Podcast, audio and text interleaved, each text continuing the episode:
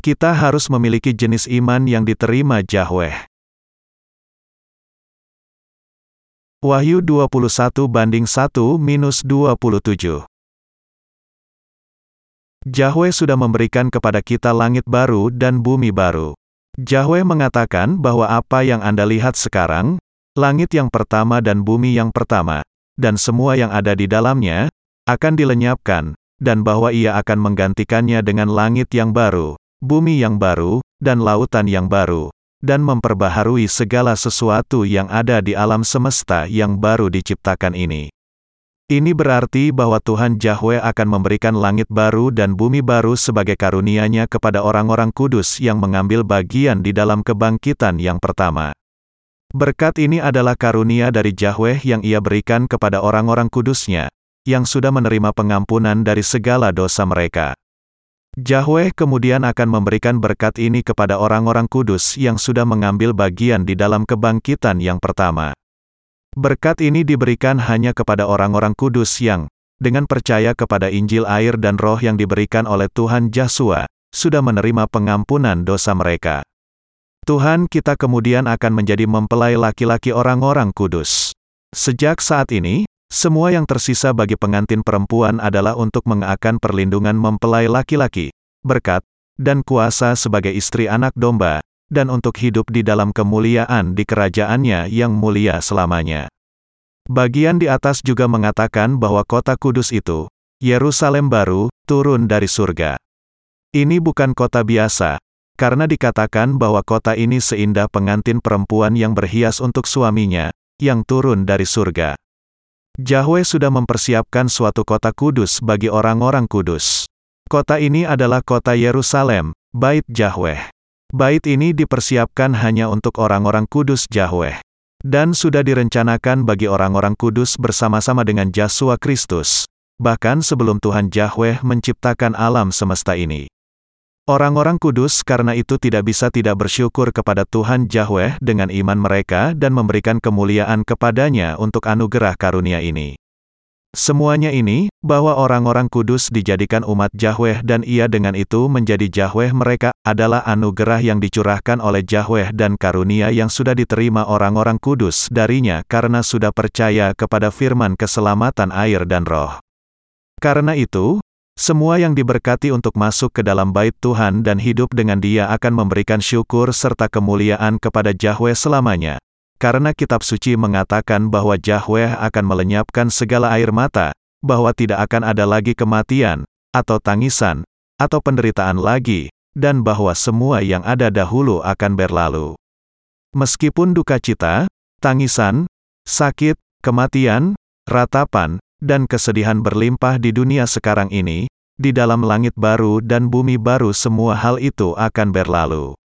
Mereka yang hidup di langit baru dan bumi baru yang diberikan oleh Tuhan tidak akan lagi meneteskan air mata kesedihan atau meratap dalam kesedihan karena kehilangan orang-orang yang mereka kasihi. Tidak akan pernah lagi.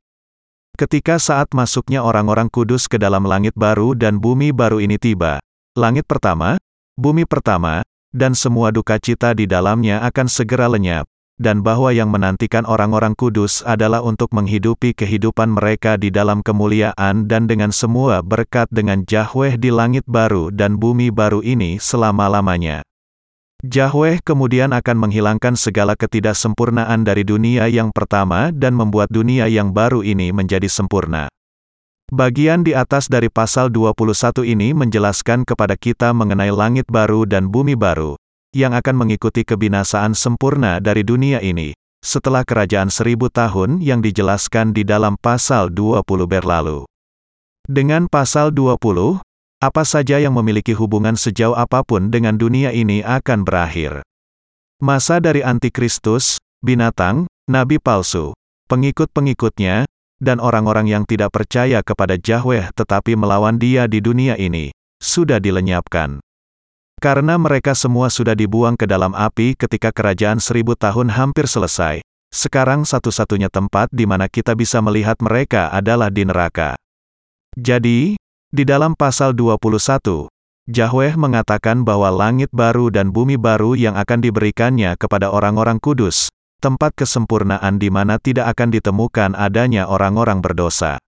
Sama seperti kalau Anda ingin melihat binatang liar Anda akan pergi ke kebun binatang. Ketika saat ini tiba, siapa saja yang ingin melihat iblis dan pengikut-pengikutnya harus mengadakan perjalanan ke neraka. Di tempat di mana Yahweh akan memberikan kepada kita langit baru dan bumi baru, Tuhan kita juga akan hidup dengan kita. Yahweh sudah membuat bagi kita kota kudus dengan alam yang indah dan taman-taman yang menghijau sangat bagusnya. Ketika langit baru dan bumi baru datang, semua yang dari dunia yang pertama dan segala ketidaksempurnaannya akan dilenyapkan, hanya kebenaran yang akan tetap ada, dan orang-orang kudus yang sempurna akan memerintah seluruh kerajaan surga untuk selama-lamanya. Jangan kesil hati dengan keadaan Anda sekarang. Zaman sekarang ini adalah zaman kegelapan dan tidak ada pengharapan. Pengharapan tidak bisa ditemukan di mana pun di zaman ini, yang masa depannya diselimuti dengan ketidakpastian. Inilah sebabnya, kadangkala, kita merasa frustasi dan lemah meskipun kita sedang memberitakan Injil. Untuk saya sendiri, hati saya sering merasa kecil hati karena hal ini. Tetapi ketika saya membaca kitab Wahyu dan menjelaskan bagian ini, saya menyadari bahwa orang-orang kudus dan para hamba Yahweh yang menghadapi akhir zaman tidak perlu menjadi sedih atas apa pun. Dengan membuat saya menyaari bahwa kesengsaraan dan penderitaan sekarang ini hanya bersifat sesaat saja, dan bahwa dunia yang cerah sudah ada di depan mata saya, Yahweh sudah menguatkan hati saya untuk tidak pernah lagi menjadi terganggu. Kalau kita memandang hanya kepada keadaan kita sekarang, hidup kita memang menekan, mengecewakan, dan kita sangat mudah untuk menjadi kecil hati karena masalah yang tidak ada hentinya yang mendatangi kita ketika kita melayani Injil. Tetapi karena semua berkat-berkat Tuhan yang terjadi kepada kita, meskipun mereka mungkin tidak kita lihat dengan mata tubuh kita, hati kita dibebaskan dari kebingungan, dan justru dipenuhi dengan pengharapan dan sukacita yang besar. Alasan mengapa sama sekali tidak perlu bagi kita untuk hidup di dalam kesedihan adalah karena Yahweh kita sudah memberikan kepada kita langit baru dan bumi baru. Apakah Anda percaya kepada langit baru dan bumi baru? Meski Anda belum mengalaminya, pernahkah Anda merenungkannya? Di dunia ini, juga, ada beberapa tempat yang indah. Ketika kita berbicara mengenai lingkungan hidup yang baik di dunia ini, kita biasanya berbicara mengenai pepohonan, padang rumput yang hijau di tepi sungai, bunga-bunga di padang, dan orang-orang yang baik. Juga harus ada air bersih yang mengalir, dan tidak boleh ada orang jahatnya, dan juga tidak kekurangan apa pun. Ketika semua persyaratan itu terpenuhi, kita mengatakan bahwa itu adalah lingkungan yang sangat luar biasa indah. Tetapi di surga, semuanya sempurna, jauh lebih indah daripada tempat yang terindah yang bisa dibanggakan oleh dunia. Pertanyaannya adalah, kemudian, untuk siapa Yahweh sudah mempersiapkan dan menurunkan dari surga kota kudus yang sudah dibangun dengan begitu sempurna ini? Yahweh sudah membuat kota ini tidak lain hanya bagi orang-orang kudus. Inilah sebabnya kita semua bisa melupakan segala sesuatu mengenai dunia yang pertama ini. Meskipun kita akan hidup di dalam kemuliaan kerajaan seribu tahun, di dunia yang selanjutnya, di langit baru dan bumi baru yang dijelaskan di dalam pasal 21, yang sungguh-sungguh Yahweh kehendaki untuk diberikan kepada kita, kita akan hidup dengan Tuhan dalam kemuliaan yang jauh lebih besar. Untuk itu, Yahweh sudah menyelamatkan kita dengan mengutus Yesus Kristus, dan akan membangkitkan serta mengangkat kita. Hidup dengan Tuhan di dalam tubuh yang disempurnakan seperti tubuh kebangkitan Jasua akan menjadi gambaran yang sangat sempurna mengenai kebahagiaan dan diberkatinya kehidupan yang menantikan kita. Untuk memberikan kepada kita langit baru dan bumi baru, Yahweh sudah membuat saya dan Anda dilahirkan ke dunia ini, dan Ia sudah menyelamatkan kita. Kalau orang-orang kudus hidup di dunia ini dengan menyadari penyediaan Yahweh yang begitu nyata, mereka bisa hidup baik, tanpa menghadapi kesulitan, mengalami kesedihan, atau menghadapi depresi. Dengan melihat apa yang sudah Tuhan lakukan dan apa yang akan dilakukannya bagi kita di masa depan, kita semua bisa hidup dengan giat dan positif. Tetapi kalau kita melihat diri kita dan keadaan politik, ekonomi, dan masyarakat di dunia ini yang tidak berpengharapan, tidak ada pilihan lain kecuali menjadi putus asa. Anda dan saya jangan pernah melupakan bahwa Yahweh sudah memberikan kepada kita langit baru dan bumi baru, dan surga adalah milik kita. Ini adalah realita. Ini adalah kenyataan. Bahkan kalau dunia ini berusaha membuat Anda sedih, jangan pernah disedihkan karenanya, atau menjadi marah, tetapi pandanglah hanya kepada Tuhan. Dan hidupi kehidupan Anda dengan pengharapan, percaya bahwa Tuhan memang sudah memberikan langit baru dan bumi baru kepada orang-orang kudusnya. Yahweh mengatakan bahwa ia akan membuat segala sesuatu menjadi baru. Ia menyuruh Yohanes untuk menuliskan firman ini, bahwa ia akan membuat segala sesuatu menjadi baru, karena segala perkataan ini adalah tepat dan benar. Mereka yang mengambil bagian di dalam kebangkitan yang pertama juga akan mengambil bagian dalam semua berkat-berkat kehidupan di tempat di mana Yahweh akan membuat segala sesuatu menjadi baru. Ini adalah sesuatu yang tidak bisa kita mimpikan dengan pemikiran manusiawi kita, tetapi ini adalah sesuatu yang sudah Yahweh persiapkan bagi orang-orang kudusnya.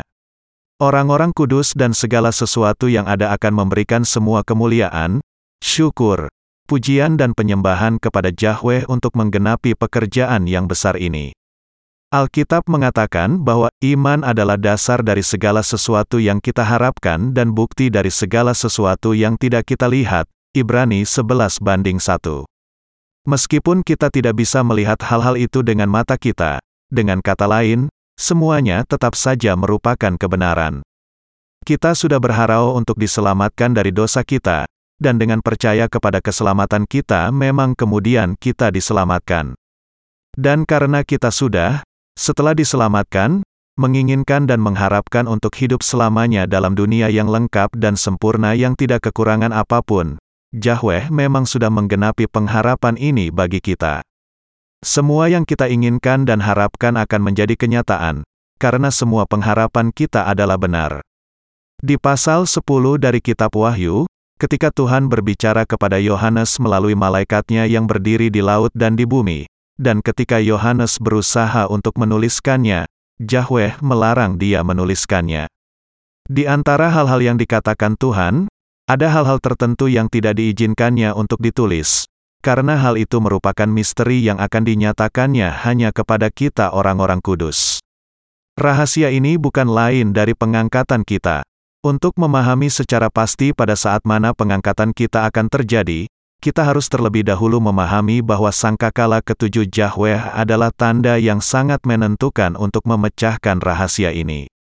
Kapan, kemudian, sangkakala ketujuh ini akan dibunyikan? Sangkakala ketujuh ini akan dibunyikan ketika masa tiga setengah tahun pertama dari masa tujuh tahun masa kesengsaraan besar sudah beberapa saat berlalu.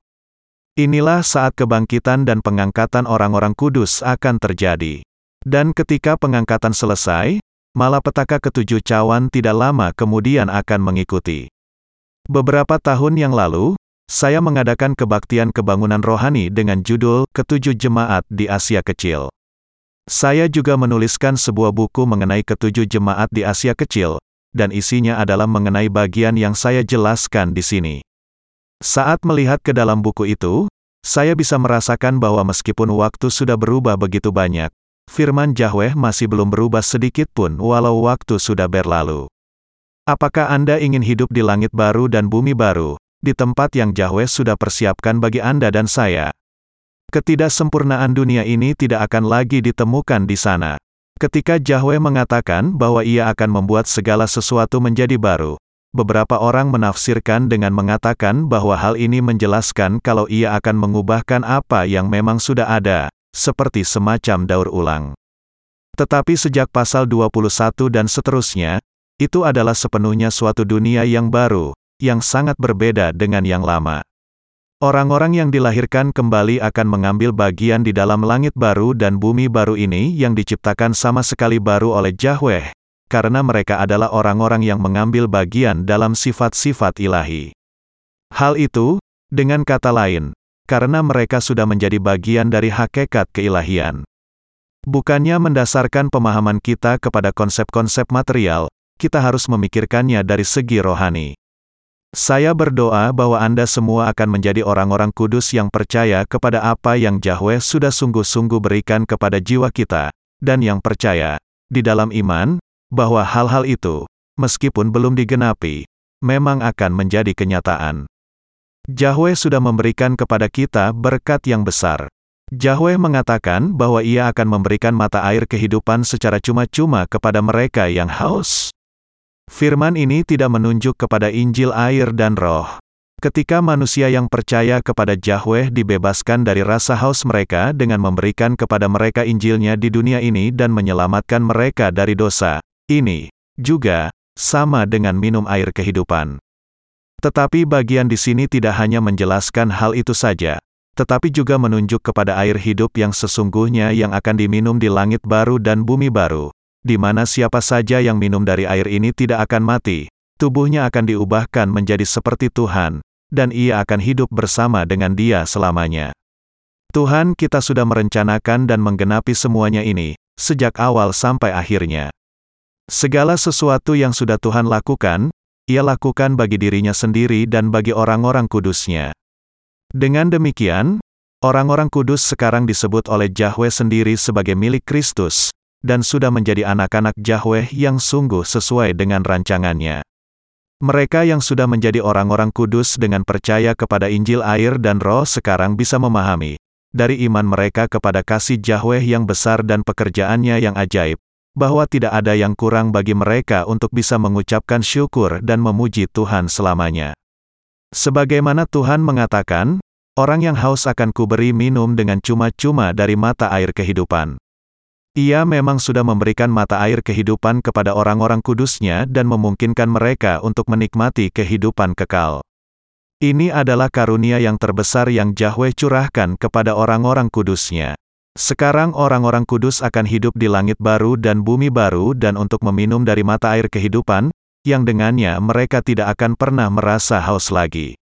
Orang-orang kudus sekarang sudah menjadi, dengan kata lain, anak-anak Yahweh yang memiliki kehidupan kekal, sama seperti Tuhan Yahweh, dan hidup di dalam kemuliaan. Saya mengucapkan syukur dan kemuliaan kepada Tuhan Yahweh sekali lagi karena memberikan kepada kita berkat yang besar ini.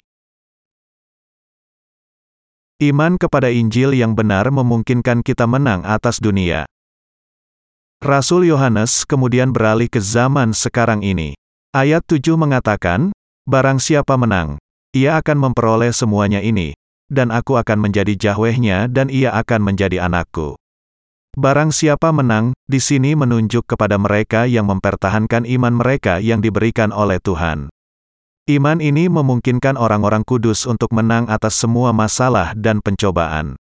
Iman kita kepada Tuhan Yahweh dan di dalam kasih sejati akan Injil air dan roh yang diberikan olehnya adalah yang memberikan kepada kita kemenangan atas dosa-dosa dunia, atas penghukuman Yahweh, atas musuh-musuh kita, atas kelemahan kita sendiri, dan atas penganiayaan dari antikristus. Saya menaikkan syukur dan kemuliaan bagi Tuhan Yahweh kita yang memberikan kepada kita kemenangan atas semuanya. Orang-orang kudus yang percaya kepada Tuhan Yahweh bisa menang atas antikristus dengan iman mereka, karena kepada mereka masing-masing Tuhan Yahweh, kita sudah memberikan iman ini yang dengannya mereka bisa menang di dalam peperangan mereka melawan semua musuh mereka.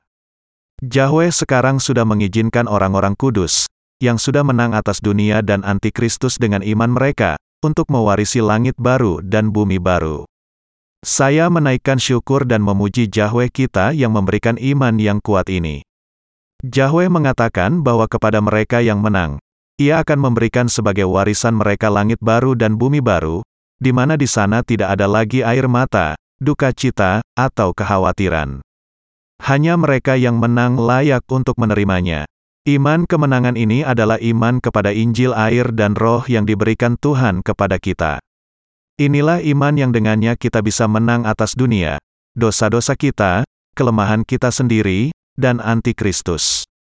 Sebagai upah atas iman kita yang mengalahkan antikristus, kita akan segera menerima langit baru dan bumi baru. Karena kita akan menerima segala berkat-berkat bagi iman kita, ketika antikristus melawan kita dan mencoba untuk mengambil iman kita, kita bisa menang atas semua rencana dari musuh-musuh kita dengan iman. Mereka yang menang percaya kepada firman Yahweh bagaimanapun yang dikatakan orang lain kepada mereka, dan mempertahankan iman mereka kepada kebenaran bahwa Tuhan sudah menghapuskan segala dosa mereka. Kita yang, setelah menerima pengampunan dosa kita dan dilahirkan kembali, sekarang hidup di akhir zaman, harus mengalahkan rencana antikristus dengan iman. Kita bisa mengalahkan kesengsaraan yang singkat itu dengan iman kita kepada kebenaran bahwa Tuhan sudah memberikan kepada kita langit baru dan bumi baru, sebagaimana kekayaan, keagungan, dan kemuliaan. Ketika dunia yang lebih baik menantikan kita, apakah kita kemudian akan mengkhianati Injil iman ini? Kalau hari esok yang lebih baik akan datang kepada kita, ketika hal-hal yang luar biasa indahnya menantikan kita hanya kalau kita bertekun hanya satu hari saja, tidakkah kita akan bisa bertahan di dalam kesulitan zaman ini? Kita semua akan bertekun. Alkitab berbicara sering kali mengenai iman, pengharapan dan kasih, sebagai nilai-nilai yang sangat penting yang harus senantiasa diingat oleh orang-orang kudus. Mereka yang memiliki pengharapan lebih dari mampu mengalahkan kesengsaraan masa sekarang ini dengan percaya bahwa semua berkat Yahweh yang diberikan kepada mereka adalah kenyataan mereka. Dan karena malapetaka akhir zaman hanya berlangsung sementara saja, dan karena Yahweh juga akan memberikan kepada orang-orang kudusnya cara untuk melepaskan diri, kita semua akan bisa tetap bertekun. Saya berharap bahwa Anda akan, sejak saat ini, siap untuk masuk ke langit baru dan bumi baru dan hidup di dalamnya dalam segi iman. Di dalam segi iman semua firman ini harus menyentuh hati Anda melalui iman, dan bukan hanya kulit dan daging Anda. Kalau itu yang terjadi, hati Anda akan menjadi kuat saat ia menemukan kekuatan baru, dan kemudian akan muncul pengharapan. Semua orang-orang kudus akan dijadikan martir di akhir zaman. Memandang kepada pengharapan bahwa kita memiliki tempat di langit baru dan bumi baru, kita lebih dari mampu menyambut kemartiran dengan kekuatan yang dibaharui. Dalam hakikatnya, Tuhan Yahweh kita adalah Yahweh kebenaran dan Yahweh kasih. Siapa, Kemudian, orang-orang yang sebenarnya penakut di hadapan Yahweh. Mereka adalah orang-orang yang lahir dengan dosa asal dan tidak dibasuh dari dosa-dosa mereka sendiri dengan firman Injil air dan roh yang diberikan oleh Tuhan. Karena pada hakikatnya mereka menyembah si jahat lebuh dari menyembah Yahweh, mereka jelas sudah menjadi hamba iblis. Karena mereka menyembah si jahat di hadapan Tuhan Yahweh, dan karena mereka mengasihi serta mengikuti kegelapan lebih daripada terang, mereka adalah orang-orang penakut di hadapan Tuhan Yahweh. Semua orang yang penakut di hadapan Yahweh akan mengambil bagian di lautan yang membara dengan api dan belerang. Adalah suatu kenyataan yang sudah pastu bahwa orang-orang itu, yang dari dirinya sendiri adalah kegelapan karena dosa-dosa di dalam hati mereka, tidak memiliki pilihan lain kecuali takut kepada Yahweh. Karena jiwa orang-orang yang menjadi milik iblis mengasihi kegelapan, mereka menjadi penakut di hadapan Yahweh yang menjadi terang. Inilah sebabnya mereka harus membawa kejahatan dan kelemahan mereka kepada Yahweh dan menerima pengampunan dosa dari Dia. Mereka yang tidak percaya kepada Injil air dan roh yang diberikan oleh Tuhan adalah pendosa terbesar di hadapan Yahweh dan menjadi musuh-musuhnya. Karena jiwa mereka menjadi milik kekejian, dan karena mereka melawan Yahweh, mengasihi dan melakukan dosa sebagaimana adanya, mengikuti tanda palsu, menyembah segala macam berhala, dan mengatakan segala macam dusta, oleh penghukuman Yahweh yang adil mereka akan dibuang ke dalam lautan yang menyala dengan api dan belerang. Inilah penghukuman kematian yang kedua. Kematian yang kedua akan dijatuhkan bagi orang-orang yang akan dibuang ke neraka, dan mereka adalah orang-orang penakut, yang tidak percaya, yang keji, yang membunuh, orang-orang sundal, tukang sihir, penyembah berhala, yang, bersama dengan antikristus dan para pengikutnya, tidak menerima kasih Yahweh sekarang ini. Orang-orang yang tidak percaya kepadanya adalah yang paling jahat. Alkitab mengarahkan bahwa semua orang-orang jahat itu akan dibuang ke dalam lautan membara dengan api dan belerang. Inilah sebabnya Alkitab menyebut ini sebagai kematian kedua. Mereka yang mengambil bagian dalam kematian yang kedua tidak akan mati bahwa kalau mereka dilemparkan ke dalam api dan supaya mereka bisa dibuang ke dalam api, mereka akan dibangkitkan di dalam tubuh yang akan hidup selamanya. Orang yang tidak percaya kepada Ka akan dibangkitkan kembali dan dibuang ke dalam lautan api dan belerang. Kebangkitan yang kedua, yang akan membawa penderitaan kekal di dalam api neraka tanpa mati, disiapkan bagi orang-orang yang tidak mau percaya ini.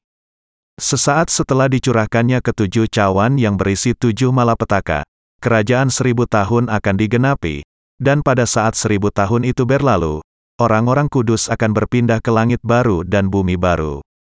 Dalam kalimat, aku akan menunjukkan kepadamu pengantin perempuan, mempelai anak domba, pengantin perempuan anak domba di sini menunjuk kepada orang-orang yang sudah diselamatkan oleh Injil air dan roh yang diberikan oleh Yesus Kristus dan percaya kepada hal itu. Kemuliaan dan keindahan kota kudus tidak bisa dijelaskan. Kota Yerusalem menunjuk kepada kota kudus di mana orang-orang kudus akan hidup dengan mempelai laki-laki mereka. Kota yang dilihat Yohanes ini memang sangat indah dan luar biasa. Ukurannya sangat menakjubkan, dihiasi dengan batu-batu permata bagian dalam dan luarnya, bersih dan bercahaya. Malaikat menunjukkan kepada Yohanes di mana pengantin perempuan Yesus Kristus akan hidup dengan mempelai laki-laki mereka. Bayangkan hidup di istana yang dibuat dari batu permata. Di dalam kota ini dibangun dengan 12 macam permata. Orang-orang yang menjadi pengantin perempuan anak domba akan hidup selamanya. Kota ini adalah karunia Yahweh yang ia akan berikan kepada pengantin perempuan anak domba. Bagian itu menjelaskan kepada kita bahwa kota Yerusalem bercahaya gemilang, dan bahwa cahayanya adalah seperti banyak batu permata, seperti permata yaspis, yang sejernih kristal. Kemuliaan Yahweh karena itu dengan kota ini dan semua yang hidup di dalamnya. Keberadaan Yahweh adalah terang, dan karena hanya mereka yang sudah dibasuh dari kegelapan, kelemahan dan dosa yang bisa masuk ke dalam kota ini dan hidup di dalamnya. Dengan demikian, untuk masuk ke dalam kota kudus ini, kita semua harus percaya hanya kepada firman sejati Injil air dan roh yang diberikan oleh Tuhan kepada kita.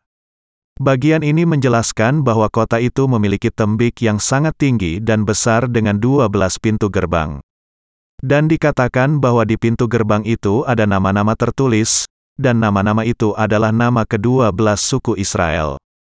Yahweh mengatakan bahwa ia memang dan sesungguhnya mempersiapkan kota ini bagi orang-orang kudusnya, yang dikelilingi oleh tembok yang besar dan tinggi. Ini adalah indikasi rohani bahwa cara kita bisa masuk ke kota kudus ini sangatlah sulit. Dijelaskan di sini, dengan kata lain, bahwa diselamatkan dari dosa di hadapan Yahweh adalah mustahil dengan upaya manusia atau perkara-perkara dunia ciptaan Yahweh.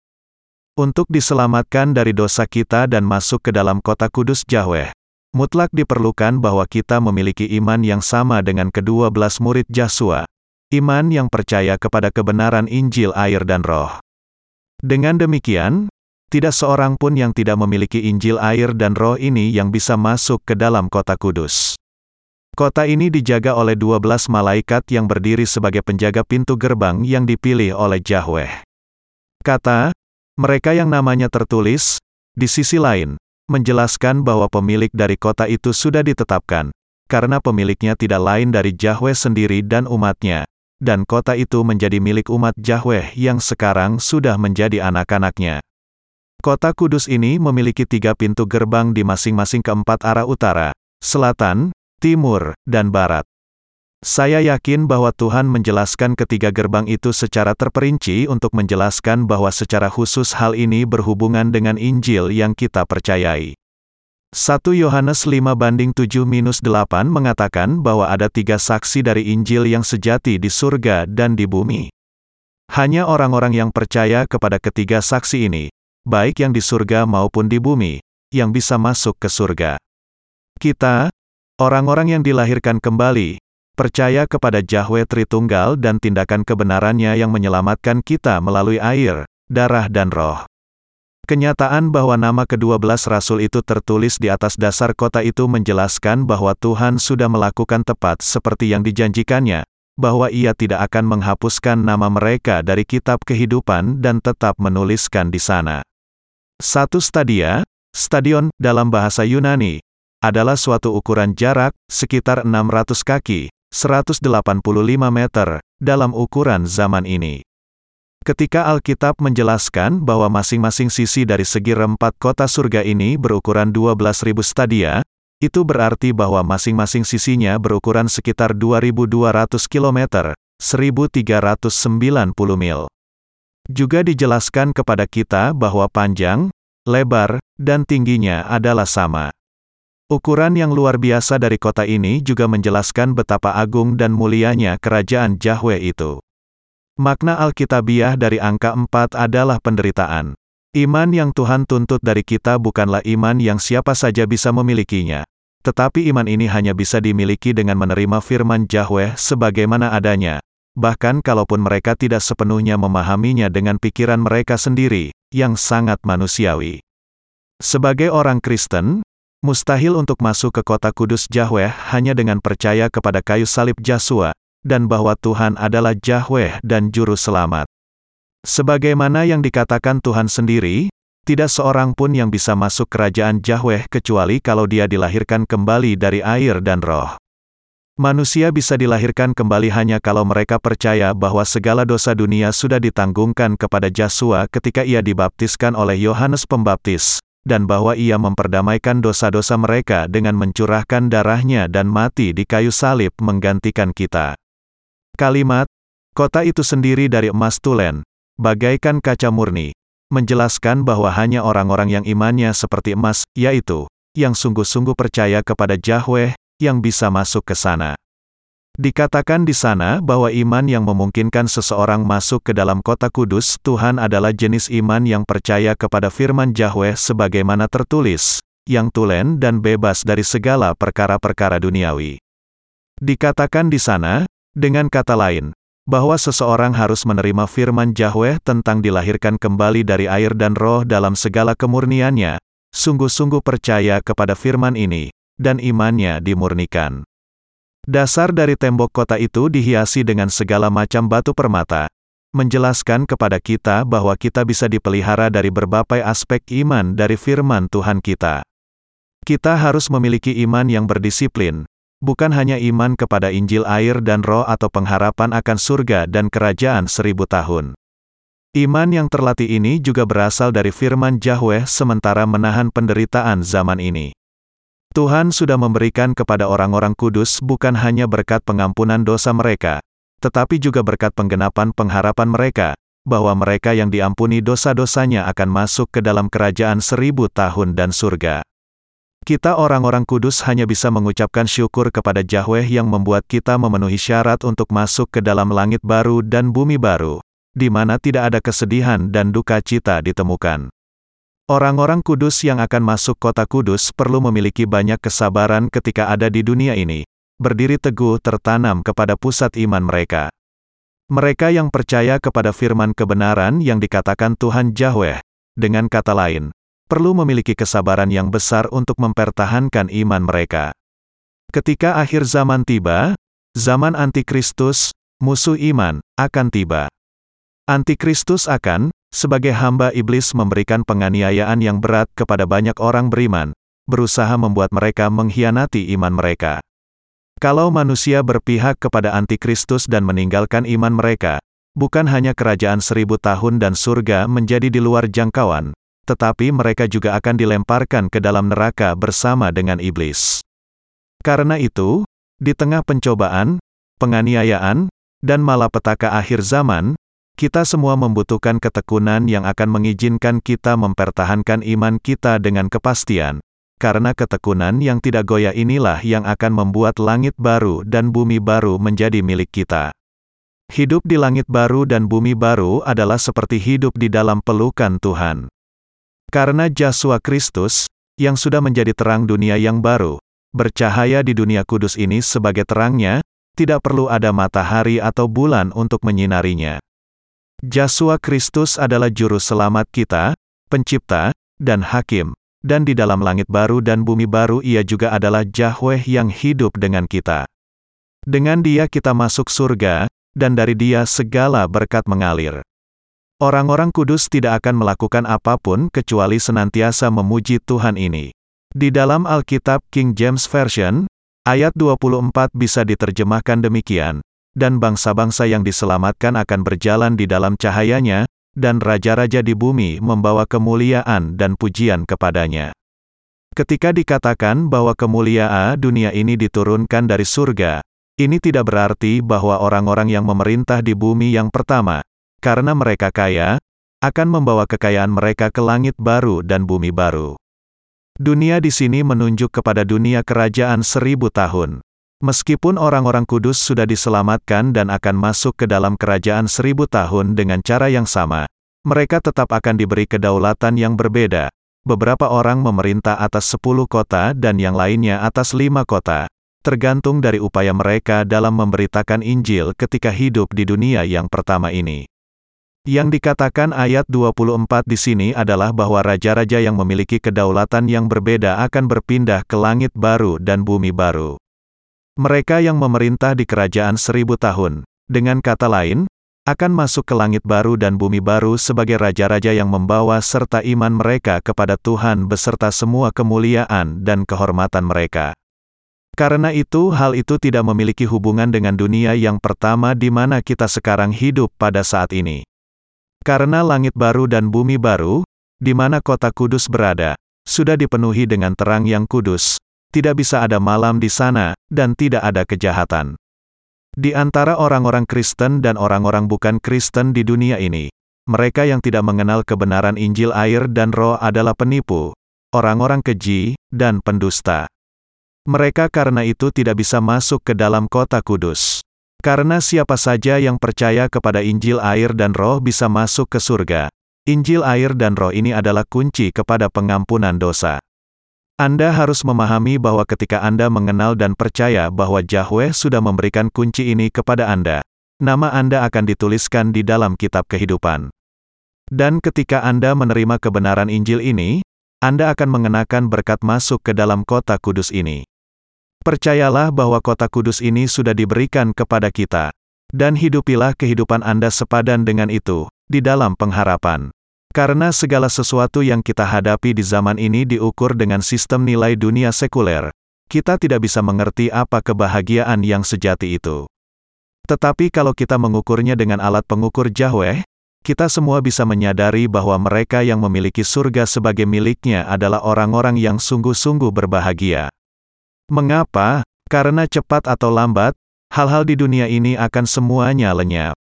Tanpa menawarkan tempat untuk menaruh pengharapan kita, semuanya akan lenyap ketika kesengsaraan dan malapetaka sudah hampir selesai, sebagaimana yang direncanakan Yahweh.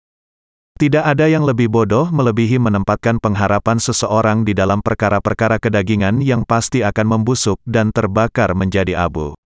Tetapi sebaliknya, mereka yang meletakkan pengharapan mereka di dalam kerajaan surga yang kekal dan tidak akan membusuk ataupun terbakar adalah orang-orang yang berbahagia.